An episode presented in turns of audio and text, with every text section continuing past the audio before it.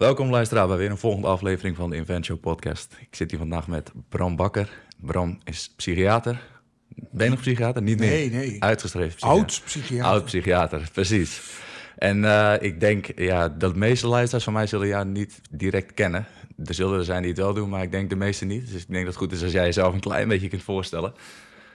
Ja, nou ook, ook leuk, leuk als ze me niet kennen. Kunnen ze, kunnen ze onbevooroordeeld gaan luisteren, toch? Precies, inderdaad. Ehm, nou ja, wat, wat, wat, wat moet ik hier aan toevoegen? Ik ben dus ooit opgeleid tot dokter. Dat gaat vooraf van dat je psychiater wordt. En dat heb ik... eh, ik heb alles bij elkaar 40 dienstjaren in de gezondheidszorg eh, erop zitten. Maar eh, eind 2021 ben ik afgezwaaid omdat dat de regeldruk te gek werd. En ook er wat, wat weeffouten zitten in de organisatie van het, van het systeem, denk ik. Ik vind...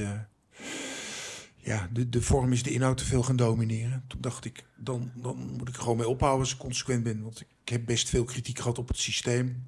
eh, maar dat heeft uiteindelijk niks veranderd. Dus nu ben ik een vrije jongen. Ja, ja. Coach. kun je, je eigen, het op je eigen manier gaan vormgeven. Nou, precies. Ja, naast psychiater heb je een eh, passie voor hardlopen. We hadden het net in het voorgesprek al een beetje over gehad. Je gaat volgende week naar Tokio voor de eh, marathon te lopen. Ja, ja dat, en dat, dat is ook al een van die dingen. eh, ik, ik had natuurlijk die, die hobby van het hardlopen, die heb, ik, die heb ik echt van heel jong.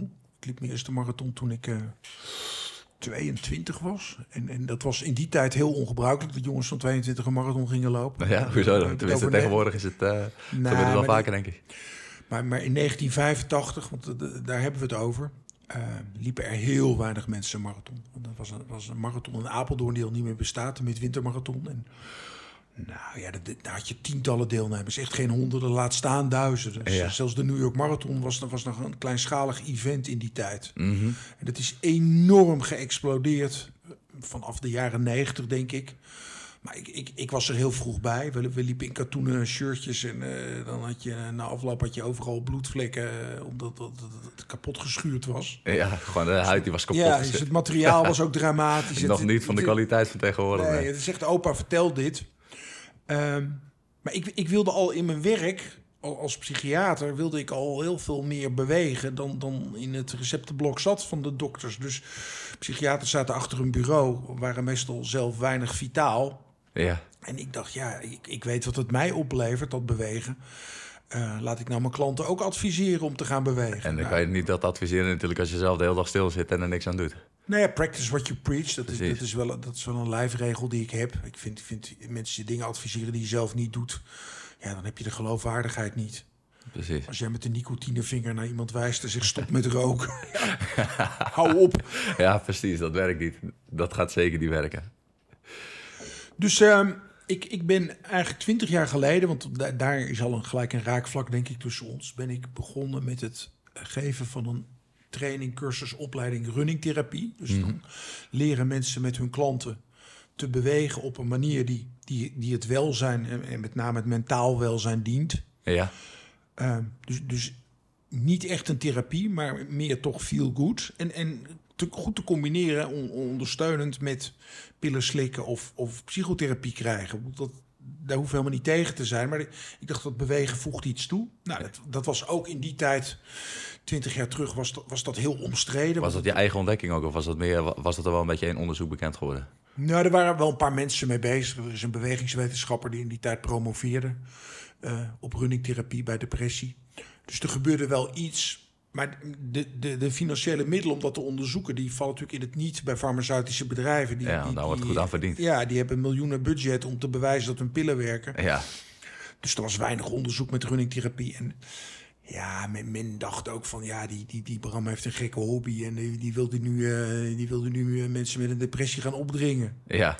En, en, en tot op zekere hoogte was dat misschien ook zo. Hè? Want ik, mijn enthousiasme was, was heel eh, persoonlijk. En ik Ja, had ja. een enorme drive vanuit eigen ervaring. Dat Dus, is wel vaker zo, toch? Als iemand ergens goed mee geholpen wordt, dan denken ze dat ze de hele wereld daarmee kunnen helpen. En dan starten ze daarmee. eh, ik denk dat het voor mij ook wel deels geldt waarom ik ben begonnen met personal trainer zijn. Gewoon omdat het voor mij goed gewerkt heeft. En ik dacht, ja, dat moet de hele wereld weten.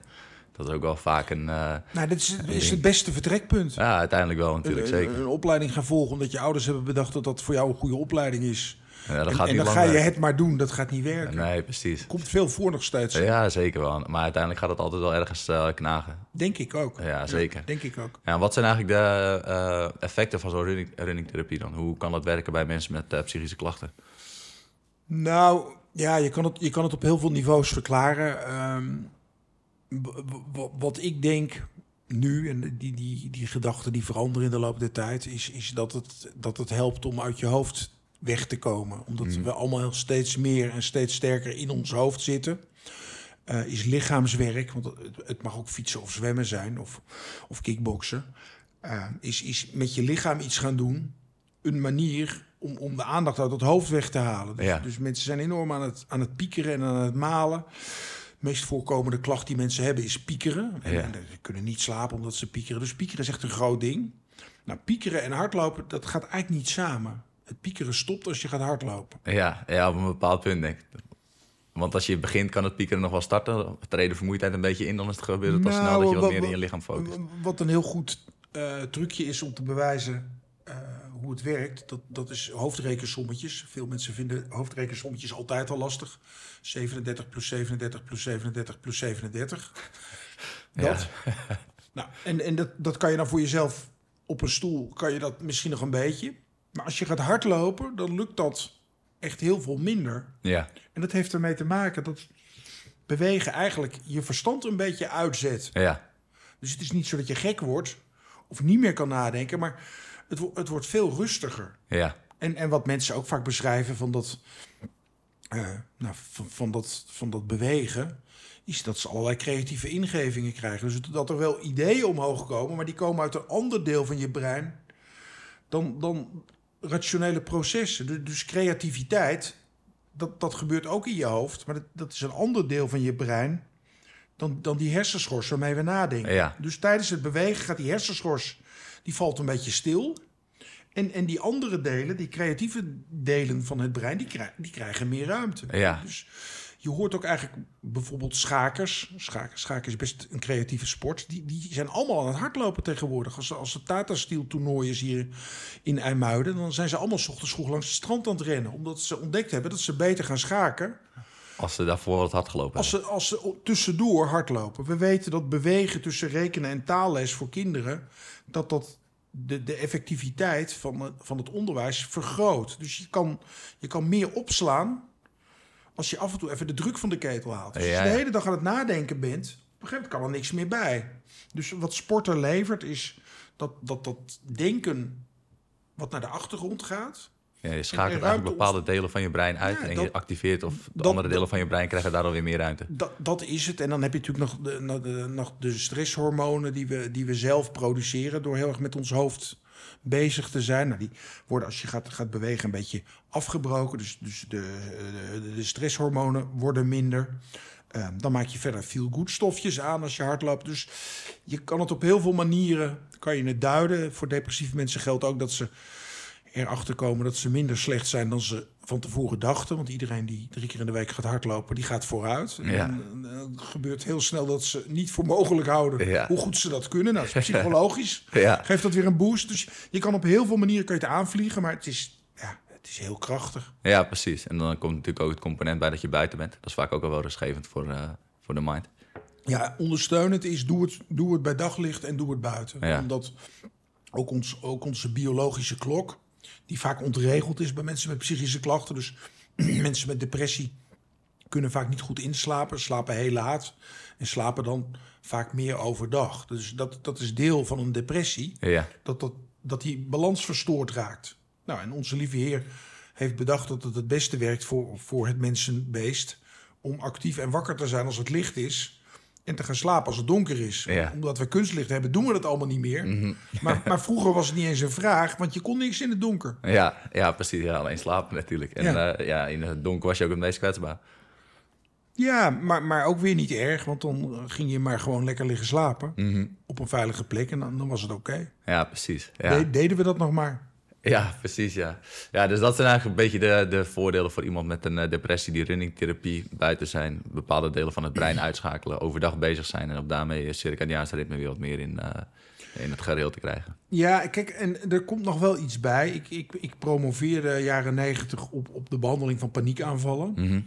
En wat je zag is dat, dat de pillen die bij depressie worden ingezet, die worden ook ingezet bij angstklachten. Ja, En het onderzoek naar wat bewegen oplevert aan angstige mensen, dat is eigenlijk te weinig gedaan. Dus wat we weten van runningtherapie is, eh, het helpt bij depressie. Dat is eigenlijk voor niemand meer een vraag. Dat is algemeen geaccepteerd, ook onder wetenschappers. Maar onderzoek naar of angstige mensen baat kunnen hebben bij runningtherapie is niet gedaan. Dat is iets heel anders dan dat het niet werkt, alleen het wetenschappelijk bewijs ontbreekt. ja, Nou, en daar, daar werd ik wel een beetje ibbel. Want ik dacht, ja, als, als, als Prozac helpt bij depressie en, en bij angst... Dan, dan, dan, dan zal runningtherapie, als bij depressie helpt... toch ook wel helpen bij angst. Mhm. ja, Nou, dat vind ik nog steeds een hele logische gedachte. ja. Maar onze zorgverzekeraars, die vergoeden het niet. Nee, precies, want er wordt geen geld aan hardlopen verdiend natuurlijk. Nee, en, niet door de nou ja, die, die programma's die zouden helemaal niet zo duur zijn. Want eh, je kan best een psycholoog of een fysiotherapeut... met een groepje angstige mensen laten bewegen. Ik, ik, ik denk dat dat heel, heel veel toevoegt aan wat er verder gebeurt. Mhm. Alleen het is niet evidence-based, zo wordt het dan genoemd. Ja. Dus het wordt niet vergoed. Nee, precies. Ja, maar zou je dan eigenlijk ook stellen dat eh, hardlopen een vervanger zou kunnen zijn voor Prozac? Of zo sterk niet? Nou, ja, kijk, er is wel wat onderzoek in die richting gedaan. Het, het, het lijkt erop dat ze ongeveer even goed werken. Als je dan die mensen een jaar verder weer opbelt en vraagt hoe het met ze gaat... dan zie je dat veel mensen die pillen hebben gekregen zijn teruggevallen. Waarom? Omdat ze met de pillen zijn gestopt. Waarom zijn ze met de pillen gestopt? Omdat ze er dik van zijn geworden. En dat het het seksleven nogal beïnvloedt. Ja. Dus dan ben je niet meer somber en wil je wel weer eens afvallen en een keer seks. Dus dan stop je met die pillen. Ja, Mensen die van hardlopen zijn opgeknapt, die stoppen niet meer. Want de bijwerkingen van hardlopen zijn precies omgekeerd. Mhm. ja Ja, positief verslavend. beter slapen, gewichtsverlies, meer seks. Dus eh, hardlopen, dat, dat, daar ga je wel mee door. Ja, ja. Al- Als het je iets heeft opgeleverd. Mhm. nou, dus na een jaar zie je eigenlijk dat, dat, dat het hardlopen voorkeur heeft boven de pillen. Ja. Ja. en eigenlijk zou dat hardlopen, jij doet dan hardlopen, maar ik denk dat dat ook wel deels geldt voor krachttraining. Tenminste, als ik hoor wat jij zegt ja, nee, het het, het, gaat, het gaat over lichaamswerk, Ja, over sport, dat, met, eh, je, met, met, met, je, met je systeem bezig zijn om uit je hoofd te komen. Dus krachttraining, 100% zit dat erbij. Maar ik denk dus ook dat bijvoorbeeld yoga en mindfulness en meditatie eigenlijk een beetje in hetzelfde vakje passen. Want dan ben je ook bezig om uit je hoofd weg te komen. Precies, Bij ja. yoga probeer je ook verbinding te maken met je lichaam. Ja, door in allerlei vage poses eh, te gaan eh, te Ja, komen. ik heb er niks mee, maar ik vind, ik vind het helemaal goed en prima als mensen daar wel iets in ja, vinden. maar dat geldt voor iedereen, toch? Iedereen Ja, heeft zijn eigen ding wat, eh, wat werkt en goed voelt. Nou ja, ik denk anno 2023 is, is, is, is de opdracht en de uitdaging en de opgave die wij hebben... zet af en toe je hoofd uit. En, en hè, als je nou een sprongetje maakt naar mensen van jouw leeftijd en nog jonger... die allemaal tegenwoordig een psychische stoornis schijnen te hebben... Ja, daaronder zit natuurlijk toch dat, dat die hoofden worden overbelast. Ja, Waarom precies. worden die hoofden overbelast? Omdat ze bijvoorbeeld op, te veel op de telefoon zitten. En als je op de telefoon zit, dan ben je niet bezig met je lichaam. Mhm. De telefoon vereist nadenken en vereist niet dat je verbinding hebt met, met, met je buik of je hart. Precies. En de telefoon houdt ons weg bij het gevoel, bij het het, zijn heel veel uren die niet besteed worden aan ons lichaam. Mhm. Kijk, vroeger was het was echt heel simpel. Eh, je was de hele dag bezig om je natje en droogje bij elkaar te verdienen met je lichaam. Ja, Toen, toen, waren er, toen waren er bijna geen psychische stoornissen. Bijna niet. nee. Een enkeling die, die zwaar genetisch of erfelijk belast was... of gruwelijke traumatische ervaring had... Die, die raakte wel van het pad. Maar het fenomeen burn-out bestond in 1800 echt niet. Nee. nee, precies. En, en, en dat is natuurlijk ook een vraag die we ons best wat meer zouden mogen stellen. Wat, wat, wat zeggen die kwalen over ons? Ja. Waarom heeft tegenwoordig één op de tien mensen, geloof ik... inmiddels last van piepende oren? Ja, Ter- terwijl dat 100 jaar geleden... Nou ja, niet voorkomen eigenlijk. Nou ja, tenzij er een ontploffing bij je oor was geweest, dan Ja. had je gehoorschade. En dat, dat uitte zich dan in een piep. Ja, maar dan... Uh, tinnitus die- komt natuurlijk niet altijd door een ontploffing naast je oren of door te hard geluid. Sterker nog, eh 95% plus wordt er helemaal geen verklaring gevonden. Uh-huh. De volgende stap is natuurlijk dat je, dat je jezelf de vraag stelt... of dat wij elkaar als samenleving de vraag stellen... wat zijn we nou aan het doen dat steeds meer mensen piepende oren krijgen? Ja, en als ik die vragen aan jou terugstel, wat zijn we nou aan het doen dat mensen steeds meer piepende oren krijgen? Nou, we, overbelasten en we ontspannen te weinig. Eh, overbelasten van de mind en eh, te weinig het lichaam opzoeken. Nou ja, als je, kijk, als, als, als je iemand met piepende oren op een hele rustige plek zet... en, en, en hij of zij zit er een aantal weken... Ja, dan verdwijnt 9 van de 10 keer gewoon die piep, hè? ja. ja hetzelfde als dat eh, mensen die met piepende oren... die gaan, moeten vaak naar eh, Spanje of zulke soort oren, eh, oren toe gaan. Omdat daar zouden die piepende oren minder, zouden ze er minder last van hebben. Maar ja, hoe komt dat? Denk Ja, ik. Het nou leven is daar gewoon een stuk trager. En, en de uitkomst is dan, ga een beetje leven alsof je in Spanje bent. Ja. Mensen, Ja, daar heb ik veel te druk voor. Ja, maar waarom heb je nou zo druk? We, we hebben het druk om een vakantie naar Spanje te kunnen verdienen. Maar Ja. je kan toch ook gewoon zorgen dat je het hier minder druk hebt. Hoef je misschien helemaal niet naar Spanje. Precies, ja. ja, dat is eh, een hele andere kijk op het, eh, op het leven natuurlijk en op ons gedrag. Ja, maar dat is, wel, dat is natuurlijk wel echt wat we nodig hebben. Mhm. Dus, dus eh, waarom, het, waarom het in de zorg vastloopt, is dat we een hele, nou ja, ik zeg het even heel oneerbiedig, mono, ja, simplistische kijk hebben op, op, op gezondheidsproblemen. Dus we noemen oorsuizen tinnitus. Dat klinkt een stuk zieker, maar dat is nog altijd niks meer of minder dan een symptoom. Ja, En dan gaan we heel erg ons best doen om het symptoom weg te krijgen. Maar de vraag is natuurlijk, waar is het een symptoom van? Ja, die vraag slaan we over. ja, precies. Ja, dat, eh, dat is een moeilijke vraag. Die oorsuizen kun je misschien oplossen met medicatie. Maar als we onszelf gaan afvragen waar het vandaan komt... Ja, dan moeten we natuurlijk zelf gaan veranderen. Dan eh, moeten we de weg naar binnen gaan bewandelen. En dat is voor heel veel mensen wel confronterend.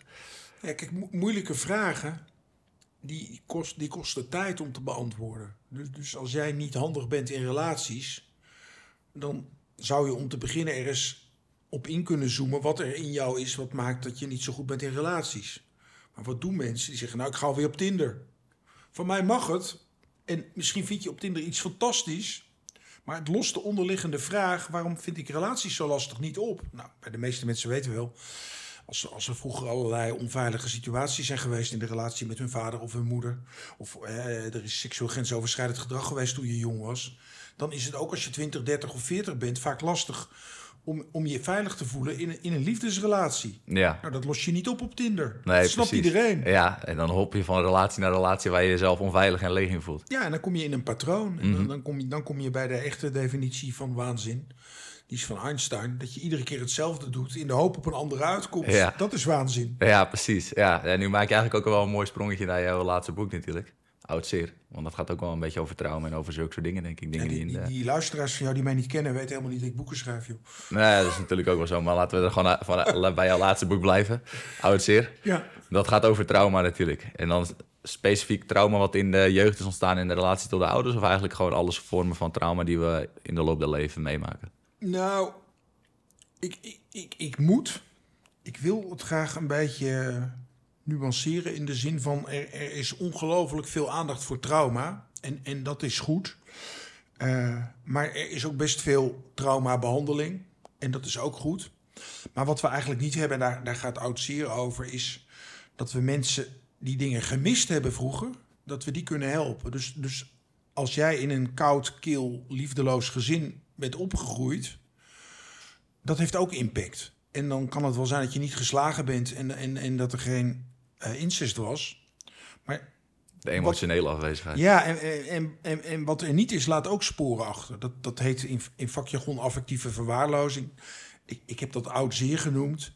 En er zijn heel erg veel mensen in ons land die last hebben van dingen die ze vroeger gemist hebben. Ja, dus oud zeer gaat echt wat meer over die emotionele, affectieve Over, over wat er niet was. Tra- Ja, ja. Trauma is wat er gebeurde wat, niet, wat er niet had moeten zijn. Dus, dus dat is eh, ja, eh, ellende die je liever wilt vermijden. Ja, Maar wat je graag wilt hebben om een beetje gezonde, stabiele, eh, goed gehechte eh volwassene te worden, als dat er niet is geweest, dat is een lastig concept. Dat is ook geen diagnose, daar hebben we geen vragenlijsten voor. ja, Dus, dus ehm, ja, daar is het mij om te doen, omdat, omdat ik gezien heb, om te beginnen in mijn eigen leven, maar ook, ook in het werk met, met, met de mensen, want ik doe nog steeds dit werk, eh, dat dat heel vaak een onderliggend thema is. En dan kan je wel een eetstoornis krijgen, of een verslaving, of een depressie, of een angststoornis. Maar daaronder zit het dus heel vaak het gemis. het van, gemis de van vroeger. Ja. ja. Ja. Ja, precies. En dat is ook de reden dat je uit de psychiaterwereld bent gestapt. Omdat je eh zulke soort thema's voorbij zag komen. Of je merkte misschien zulke soort thema's. Maar daar was niet echt een oplossing voor binnen de psychiatrie. Of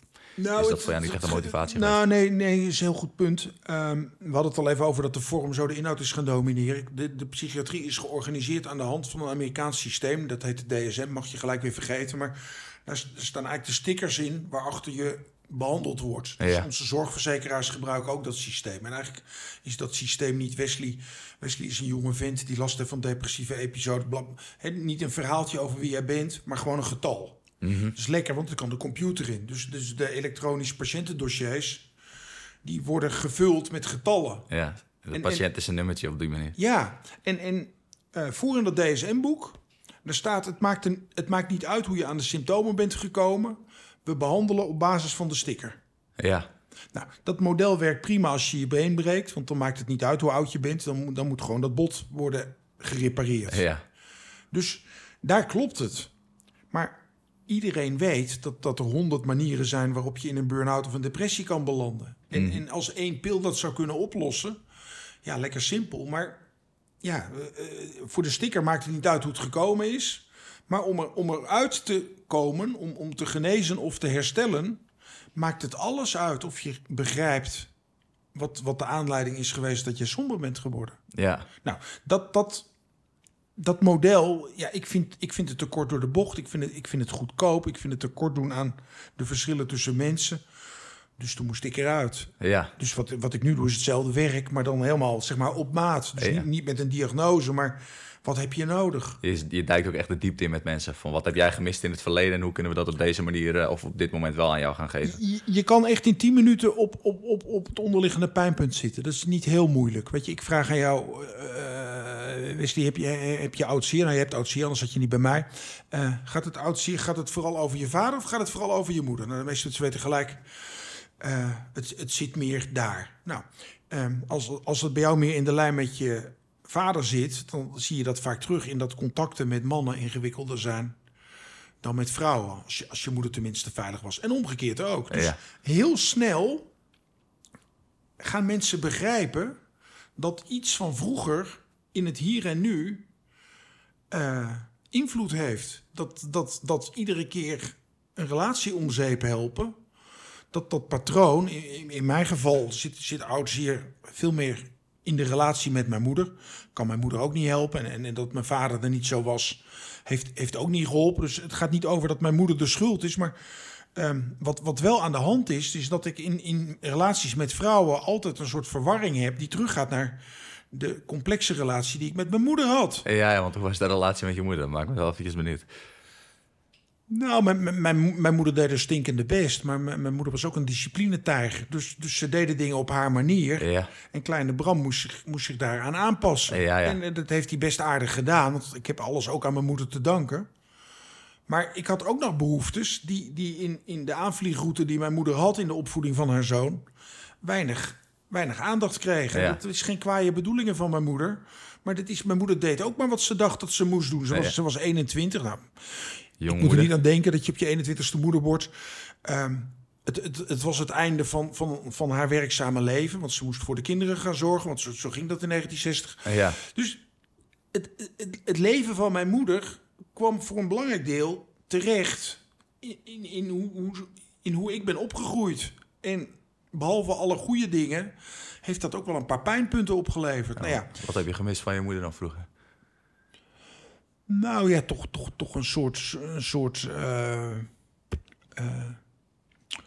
een, een, een soort warmte en liefde zonder voorbehoud. Dus mijn moeder was erg van je moet presteren, je ho- hoort het te verdienen. Dat was ook trouwens nog eens de kerk. Du- Dus ehm, ik, ik weet niet of ik een huilerig jongetje was, maar het was ook een tijd van jongens huilen niet. Dus je, je, werd, je, je werd gecorrigeerd als je huilde. Dat Ja. is ook niet alleen mijn moeder, dat is ook die tijdgeest. Ja, Dus, dus mijn emotionele ontwikkeling is denk ik minder breed en, en, en, en, en eh, on, onbekommerd geweest dan, dan ik nu achteraf, achteraf is helemaal makkelijk praten, eh, dan wat mijn verlangen was. ja. Ja, precies. Dus eigenlijk, je, komt bijvoorbeeld je emotie verdriet niet zo goed uiten, maar dat heeft natuurlijk ook weerslag in hoe jij andere emoties uit. Want als je één emotie niet goed weet te uiten, dan is mijn ervaring, dan weten mensen vaak ook andere emoties niet heel goed uit. En dan word je een soort af, afgevlakt in je, in je emoties. M- mijn moeder dacht oprecht dat ze mij hielp door, door me te trainen in niet huilen. Mhm. Ja, Ja, nou ja, weet ik, ik. Ik geloof dat ik in, in 2015 voor het eerst gehuild heb. En toen was ik hoofdrekenen, was ik 52. Dus ik heb tot mijn 52ste niet meer gehuild. Nee, Wel- ja, wel als jongetje. Ja, eh, maar, maar daarna tot 2015 niet. ja. En toen, uitvaart van een, van een hele eh, nabije vriend. En ik dacht van tevoren ook niet dat ik ging huilen. Maar toen, toen brak het als het ware door. Hoe was het voor jou dat moment dat je ineens begon te huilen? Best wel ongewennig, on, gewennig, denk ik. Ja, heel, heel schaamtevol. Want eh, wij huilen niet, wij jongens. Ja, die, Eh, dat wij, wij jongens bakker. natuurlijk Ja, ja. Maar het, was natuurlijk ook... Want daar, daar, daar, begint, daar begint het hele traject... Wat, wat er uiteindelijk in resulteerde... Dat ik, dat ik geen psychiater meer wilde zijn. Ook wel dat je voelt van... Ja, maar dit is misschien wel goed. Of eh, behalve dat het gênant is... Is het, is het ergens ook lekker of zo? Of is het- Opluchten, ja. ja. loslaten. Tenminste, Nou ja, dat huilen vaak. Het, het, het is denk ik een beetje eh, mensen die wel eens eh geobstipeerd zijn geweest. Hè, dat je niet kan kakken bijvoorbeeld op vakantie.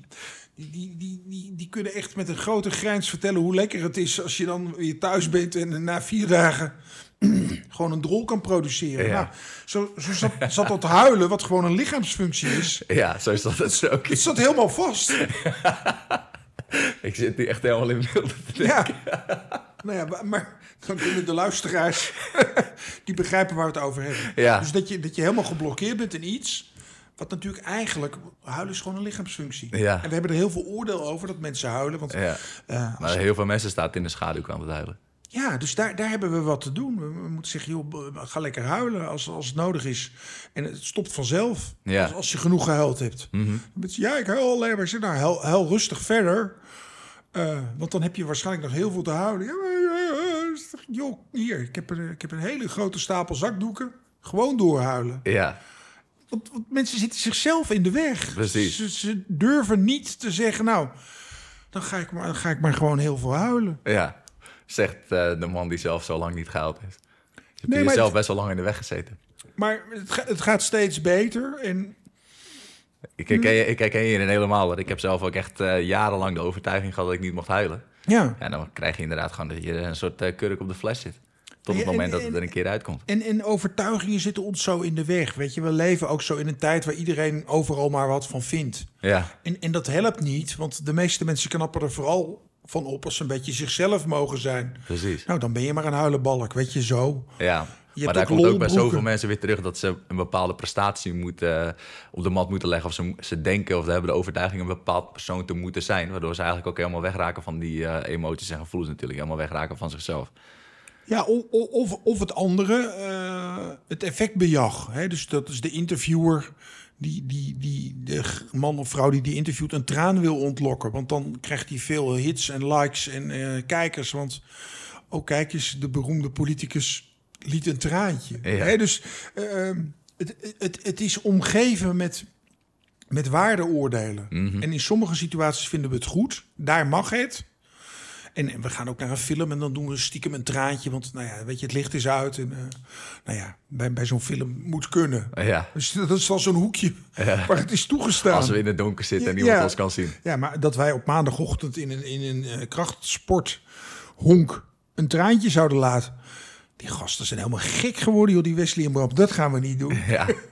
Ja, precies. Ja, natuurlijk komen we er ook wel op sommige plekken zijn ook niet heel functioneel om te huilen. Maar ik denk dat de kern om je emoties te kunnen uiten, dat het wel enorm belangrijk is natuurlijk.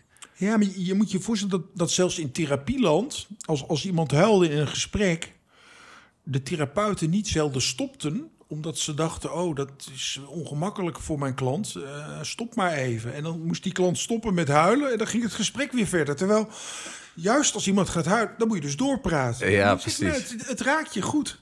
Ja, laat geeft- het maar lekker gaan. Ge- geeft niks. Ja, Weet je, we praten gewoon verder. Jij, jij snot het rustig voort. En, eh, ja. als je even een break wil, is het goed. Maar ik, ik hoef niet te stoppen, want ik kan het wel hebben als jij huilt. Ja, misschien was het nog niet eens zozeer dat die psychiater het ongemak van die klant zag.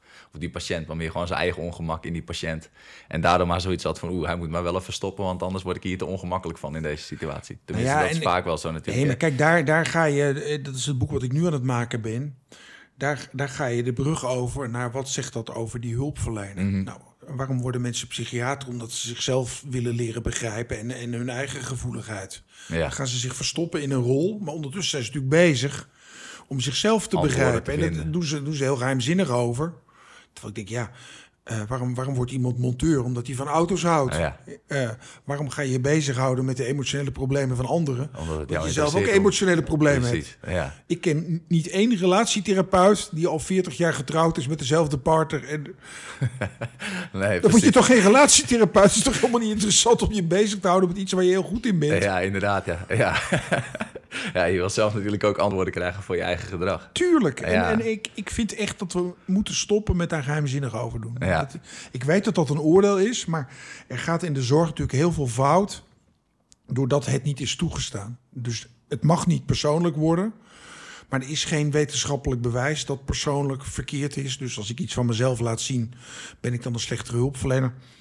Dat weet ik niet. Nou, in ieder geval, ik voel me beter als het een beetje persoonlijk is. Ja, ja. Eh, dus laat mij het nou op die manier doen. En Ja. dan, mag iemand die het liever wat afstandelijk benadert, die mag het op zijn manier doen. En dan gaan de klanten eh, hopelijk op een dag een beetje keuzevrijheid krijgen. Ja. Dus dan gaan ze kiezen voor de wat afstandelijker of de meer persoonlijke. Dan kiezen ze wat beter bij hun past. Ja, dat. Ja, precies. Ja. En dan kun je uiteindelijk ook denk ik betere hulpverlening geven. Nou ja, uiteindelijk is, is, is, is hulpverlening, als je, als je het helemaal plat slaat, is iets tussen twee mensen. Mhm.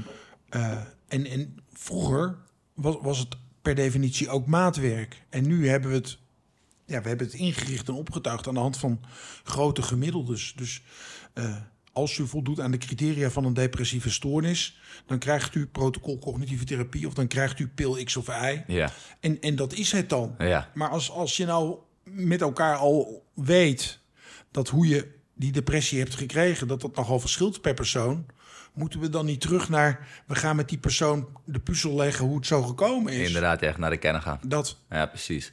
En hoe uit eigenlijk dat eh, eh, gemis, of dat emotionele gemis van jou, van bijvoorbeeld je moeder, hoe uit zich dat in jouw leven? ja. Ik, ik, ik, ik weet ook niet of emotioneel gemis of, of dat het. eh, Nou, de dat- dingen die je gemist hebt van je moeder, laat ik het zo zeggen. Nou ja, kijk, mijn, mijn moeder. Mijn moeder zegt tegen mij, en, en, en inmiddels zijn we aan het proberen het contact anders in te richten. eh, en en eh, probeert, probeert zij ook op haar 82ste toch nog dingen anders te gaan doen, wat ik enorm in haar waardeer. Ik wil zeggen, dat is best wel knap. Ehm, ik denk waar we zijn is. Zij zegt ja, Bram, maar je had altijd zoveel bevestiging nodig. En ik zeg ja, mam, weet je hoe dat komt? Had Want ik, reden. ik, ik- nee, ik, had, ik had bevestiging van haar nodig. Ja. En, en ik, ik denk dat zij dat no- nooit op die manier begrepen heeft. Mhm. En ja, zij, zij was daar niet zo heel goed in, in mij bevestigen. Maar ja, dat kwam ook weer omdat mijn opa Haar haar echt nooit bevestigd. Dus zij, zij wist ook niet hoe dat moest. Je doet het altijd naar, naar je eigen referentiekader. Of je doet altijd je best naar je eigen mogelijkheden als ouder. Nou ja, en veel, veel ouders gaan natuurlijk iets wat ze, wat ze zelf nooit geleerd hebben of, of niet kennen of, of, of gemist hebben, ook niet kunnen geven aan hun kinderen. Ja, Want wat, wat je niet weet, daar kan je niks mee. Dat, dat maakt het zo lastig. Dus Ja. ik kan zeggen, ja, ik, ik, ik, ik heb een beetje oud zeer en ik ben eh, in, in, in mijn eh, behoefte aan liefdevolle aandacht tekort gekomen. Maar mijn moeder zeker ook. Ja, En, en het is misschien wel vooruitgang dat ik er woorden voor heb en er een boek over kan schrijven en mensen kan helpen die dat herkennen. Mhm. Ehm, maar hoe fijn zou het zijn al- al- als, als met mijn moeder dat gesprek daarover alsnog een beetje plaats kan vinden. Dat, dat, dat is wat ik nu doe. Ik Ja. probeer mensen te helpen om, om met hun oud zeer om te gaan en, en moeilijke gesprekken met ouders wel te voeren in Ja. plaats van te denken. Nou, ik, eh, ik kap met die oude op, op die vakantie, Ja. die klootzak. Weet je, dat helpt toch niet? nee, precies. En dan wil je daar ook weer een, goed, een voorbeeld in zijn voor, eh, voor de mensen die jij begeleidt. Nou ja, en, en, en de meeste mensen krijgen zelf ook weer kinderen. En, en wat je toch ook hoopt, is dat wat, wat jou als kind is overkomen, dat je dat niet zonder, zonder bewustzijn overdraagt aan jouw kinderen. Ja. Het, is, het is toch ook fijn dat het stopt. Mhm. Ja, Kijk, mijn ouders zijn echt fantastische grootouders. hè. Ontzettend lief en warm. eh, en, en aandacht en interesse in hun kleinkinderen. ja. Eh, dat vond ik best wel lastig om te zien. Ik dacht van ja, waarom, van waarom, krijgen mijn kind, waarom krijgen mijn kinderen iets waar ik zo naar verlangd heb? ja. Maar ik misgun het mijn kinderen niet. Mhm. En, en de uitkomst is ook wel dat we, dat we met elkaar vaststellen, mijn, mijn ouders en mijn zus en ik, dat, dat, dat, het, dat het dus op een bepaalde manier stopt. Want eh, eh, mijn ouders zijn ook hele fijne grootouders voor de dochters van mijn zus. Dus wij hebben wel toch ook het gevoel van we, we zijn met z'n allen wel iets, iets aan het veranderen. In de hoop dat komende generaties daar minder last van hebben. Ja, precies. Ja, ja, je stopt eigenlijk het familiepatroon, want dat is het vaak. Ja, nou ja, dan kom, dan kom je bij dingen als familieopstellingen. Ja. Ik, ik, ik, ik hecht daar heel veel waarde aan, omdat... Dat is ook best on- niet orthodox voor een eh, psychiater, denk ik, toch? Nou ja, kijk, wij, wij mochten daar niks mee. Nee. En ik denk, ja, maar hoe fijn is het als jij begrijpt wat het verhaal van jouw ouders is? En, en heel veel kinderen voelen zich verantwoordelijk voor hun ouders. Hè? Dat is een van de grootste ellendepunten bij, bij, bij veel mensen. Dat ze als kind al voor hun ouders gingen zorgen. Omdat die ouders waren verslaafd of, of somber. En in plaats van dat er voor het kind werd gezorgd, ging het kind maar voor zijn of haar ouders zorgen. Ja, Dat, dat is echt heel, heel verkeerd. En, ja en maar dat- daar, daar kun je als kind zijn ook weer niks aan doen, want dat is gewoon een, een basis...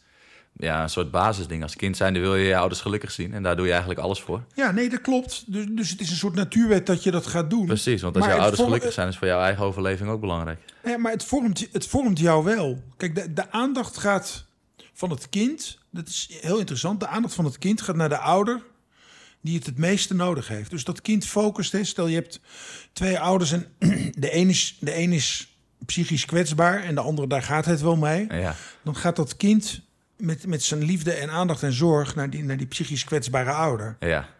Dat, dat is hoe het werkt. En die gaat, dat kind gaat dan voor die ouder zorgen in plaats van Ja, dat de ouder en- voor het kind zorgt. En daar knapt dat kind niet van op. Nee, precies, zeker Daar, niet. daar knapt dat kind niet van op. kom je ook weer in de Els van Stijn met eh, de fontein en al dat eh, familiepatronen daarin natuurlijk. Nou ja, als, kijk, als je dat begrijpt, want kijk, we moeten het niet de hele tijd over mijn moeder hebben. Dat, dat, dat is niet eerlijk en dat Nee, dat verdient ze niet. Maar, maar mijn, aan de kant van mijn vader, en ehm, dat, dat is wel een dringende aanbeveling. Ga er nou vanuit dat hoe jij bent per definitie voor de helft bij je vader vandaan komt en voor de helft bij je moeder.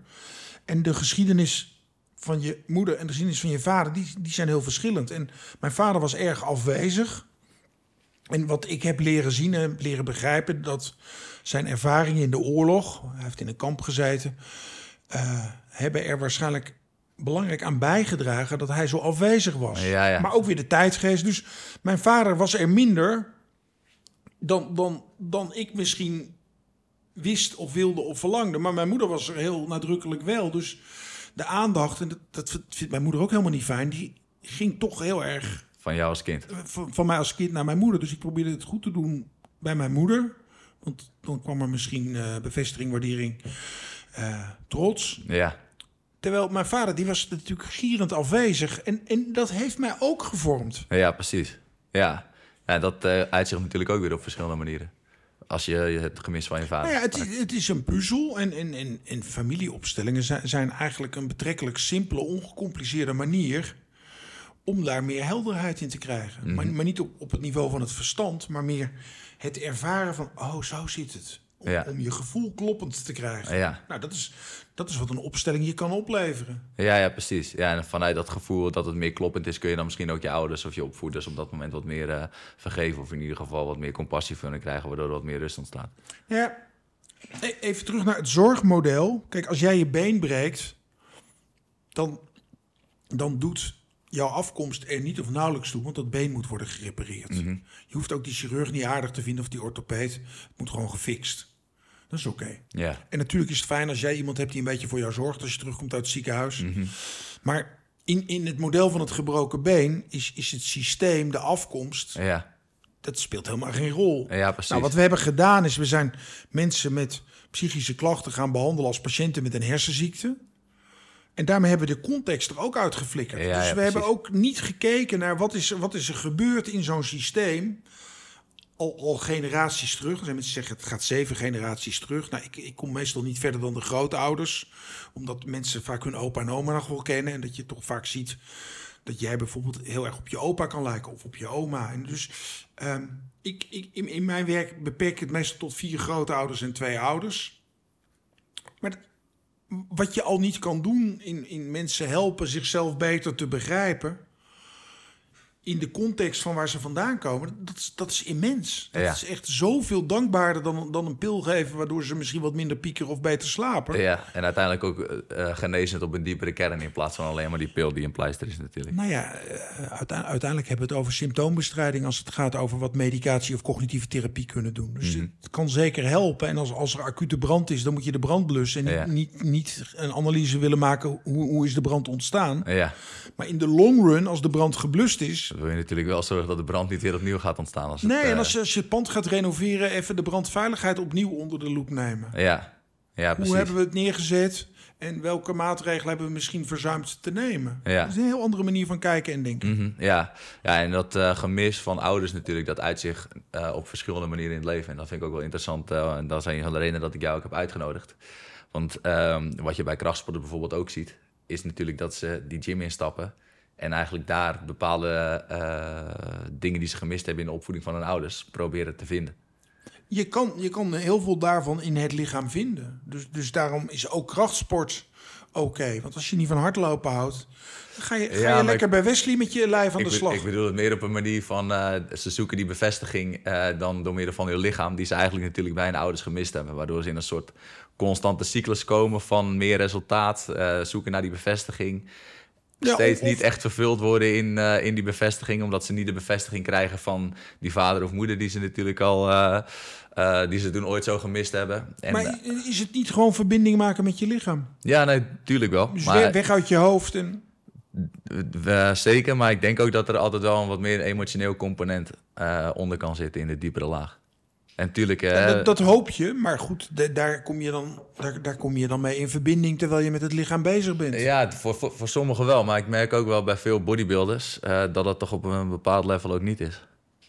Nee, maar kijk, eh, ik, ik, ik loop vanaf mijn 18e marathons. Maar eh 30, 30 jaar ruim liep ik die marathons zonder in verbinding te komen met mijn lichaam. Dus het was symptoombestrijding. Mijn hoofd werd een beetje rustig. Maar de verbinding met mijn lichaam verbeterde niet. Nee. Nou, zo kan je natuurlijk eh, ongelooflijk eh, leeg bodybeelden. Ja, precies. En dat bedoel ik inderdaad. Ja, en, en misschien, misschien dat het nog steeds je hoofd wel een beetje rustig maakt, maar de verbinding met je lichaam, zelfs, zelfs bodybuilders zie je eh, vaak heel slecht verbonden zijn met hun lichaam. Ja, zeker. 100%. Ook, eh, ik, ik, heb, ik heb balletdansers als klant gehad die heel goed konden balletdansen, maar niet in verbinding waren met hun lichaam. mhm, ja, veel in dit hoofd zaten dan ook. Maar ja, uiteindelijk denk ik, tenminste dat is hoe ik het zie, dat is, er zit een bepaalde kleine kern in de meeste bodybuilders. Een kwetsbare kern. En ze willen eigenlijk alleen maar die kwetsbare kern beschermen door van buiten nog maar harder, harder, harder, harder.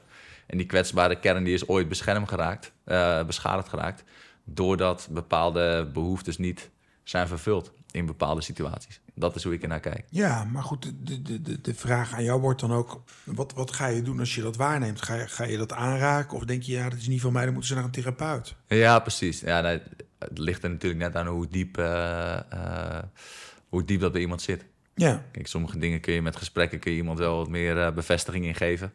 Je kunt natuurlijk verschillende technieken wel toepassen om iemand wat meer in verbinding te brengen met zijn lichaam, daardoor wat meer in verbinding te brengen met het gemis. En die manier op eh, iemand te helpen. Maar ja, sommige dingen kom je ook gewoon niet bij. Dan moet je niet bij willen komen als een redelijk primitief coach zoals ik uiteindelijk eh, ben. Ja, nou, het is wel interessant omdat, omdat ik me ook afvraag... Als jij, als jij nu iets waarneemt terwijl je met iemand aan het werk bent... waarom, waarom zou je die waarneming niet kunnen en mogen delen? Ja, nee, ik, eh, dan, En- dan en- geef ik hem wel terug. Tuurlijk. Ja, en het is... Maar ik kan niet iedereen helpen, zo bedoel ik het meer. Oh, Kijk, nee, maar ik ook Nee. niet, hè? Ik, ik ook niet. En dan, dan wil je wel misschien wat meer experts in het leven roepen als je merkt dat er echt heel diep verdriet bij iemand zit. Ja, Maar maar, dat iemand vast blijft lopen. ja, maar objection. Ehm, experts, die, die, die zitten in dat, in, dat, in dat zorgsysteem verstopt. Ja. Maar misschien kan jij wel beter iemand van jouw leeftijd eh, iets, iets teruggeven over wat je waarneemt dan ik. Er, er is ook zoiets dat je, dat je moet klikken met iemand. Ja, je een bepaalde veiligheid en we hebben de zorg natuurlijk ingericht aan de hand van bevoegdheden.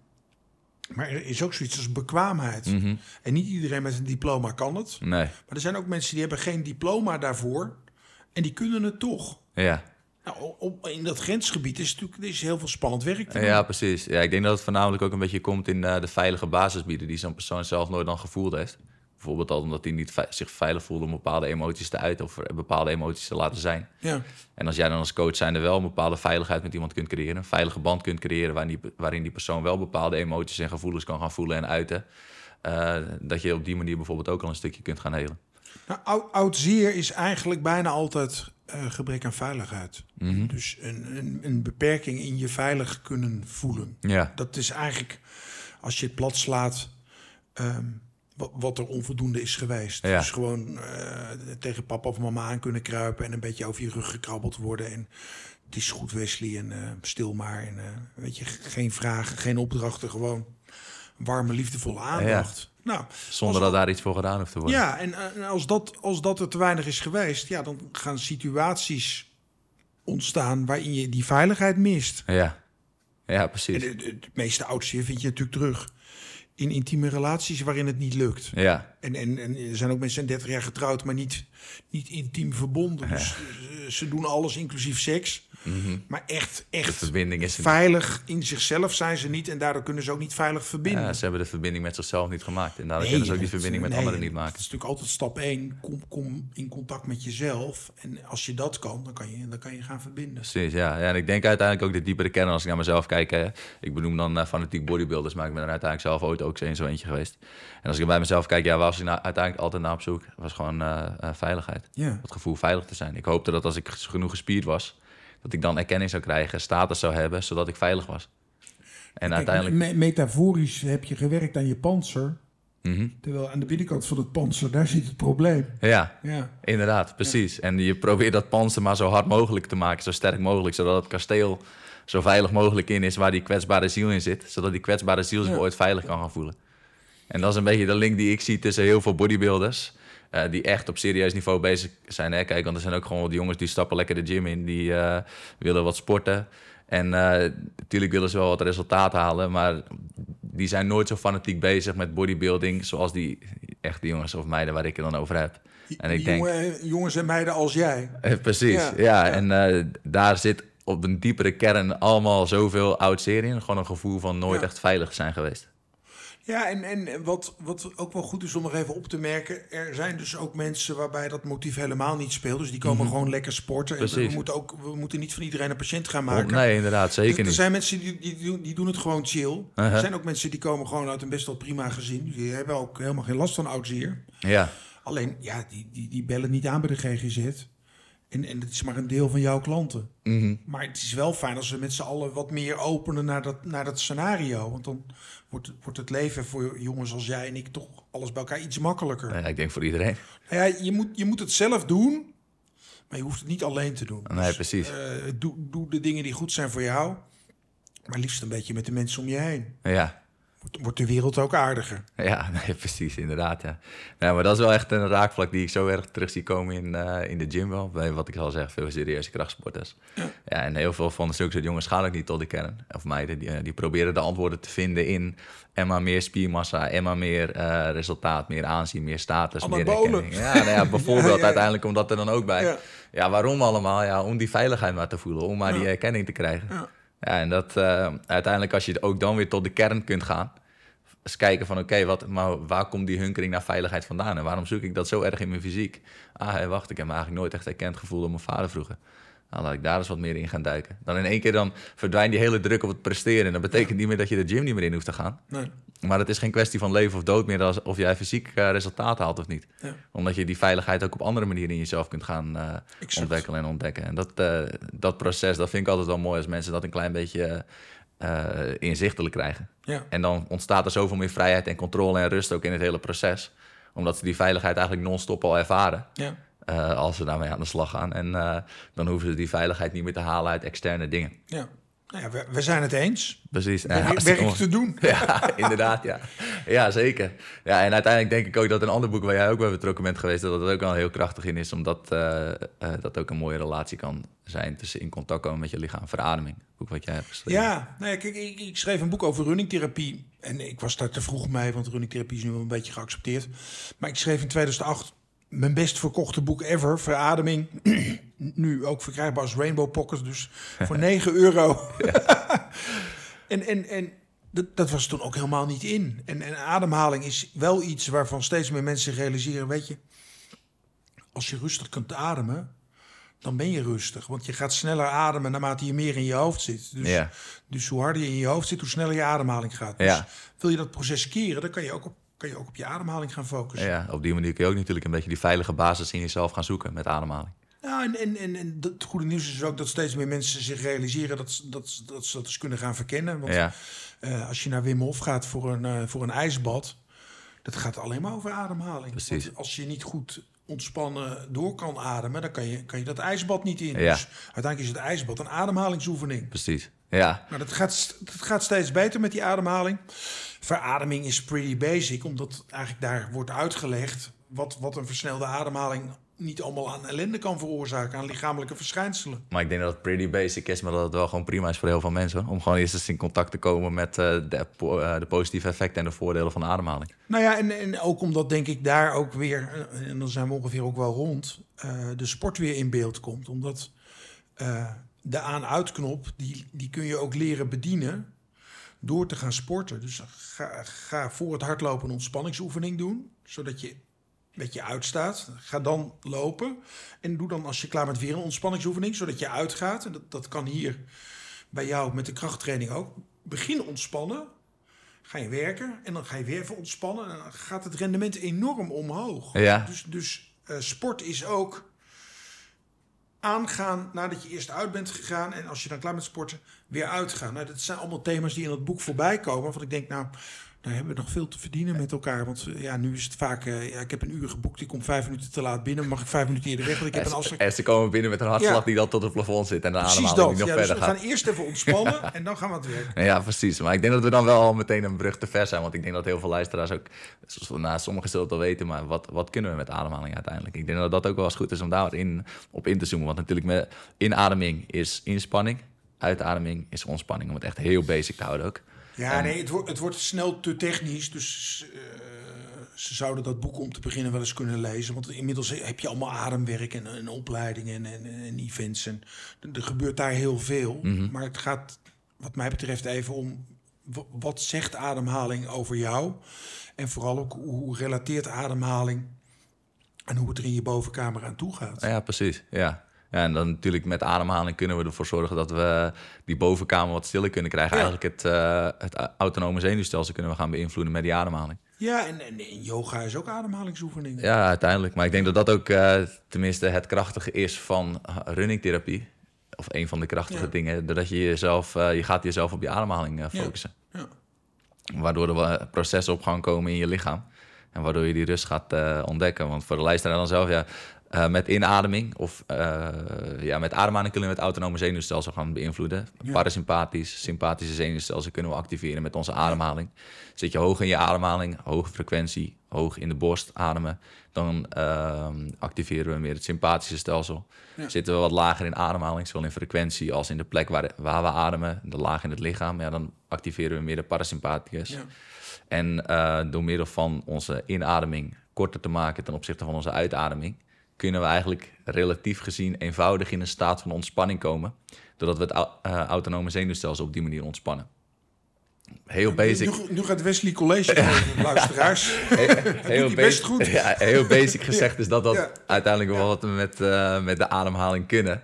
En eh, uiteindelijk kunnen we dat natuurlijk al, ook weer op verschillende manieren inzetten om, denk ik ook, met trauma om te gaan. Nee, we zijn, we zijn het helemaal eens. Nou Ja, want ook daarin weer met die Wim Hof ademhaling. Ik heb zelf die kliniek gedaan. Ik dacht eh, toen ik daarheen ging ook van, nou vet, je gaat een ijsbad in en dat is het coole. Maar ik kwam er uiteindelijk achter, ja, die ademhalingssessie, dat is waar de magie gebeurt. En ik vond zelf, die ademhalingssessie heeft nog helemaal geen fluit te maken met eh, dat ijsbad ingaan. Nee, klopt. Het heeft er alles mee te maken om, eh, vond ik, eh, op een bepaalde manier van, te gaan ademen, waardoor je in contact kunt komen met het onderbewustzijn. Ja. Want dat kunnen we uiteindelijk ook doen met ademhaling. En in het onderbewustzijn vinden we natuurlijk emoties, Ja. dergelijke, die eh, ons gedrag beïnvloeden. Ja. Of leidend zijn van onze gedachten en ons gedrag. En als we door middel van ademhaling dan in contact kunnen komen daarmee. En dat wat meer kunnen gaan helen daardoor. jij hebt mij niet meer nodig, Nee, Wesley. ik wou al zeggen, Ja, ja. ja, de, de, de laatste minuten. Het is gewoon even mijn eigen show, de one-man show. Ja, jij, jij deelt nu alles wat je weet. Ja. En eh, ja, je hebt echt eh, Van mij krijg je een heel hoog rapportcijfer. Ja, wauw. Kijk, nou, nu, is, nu is mijn leven Ja, gewoon... ja. Alle, alle eigen emoties en pijnen die ik uit mijn eigen opvoeding... eh, die zijn nu genezen. Ik heb een compliment gehad. van Geheeld. Ja, precies. Ja.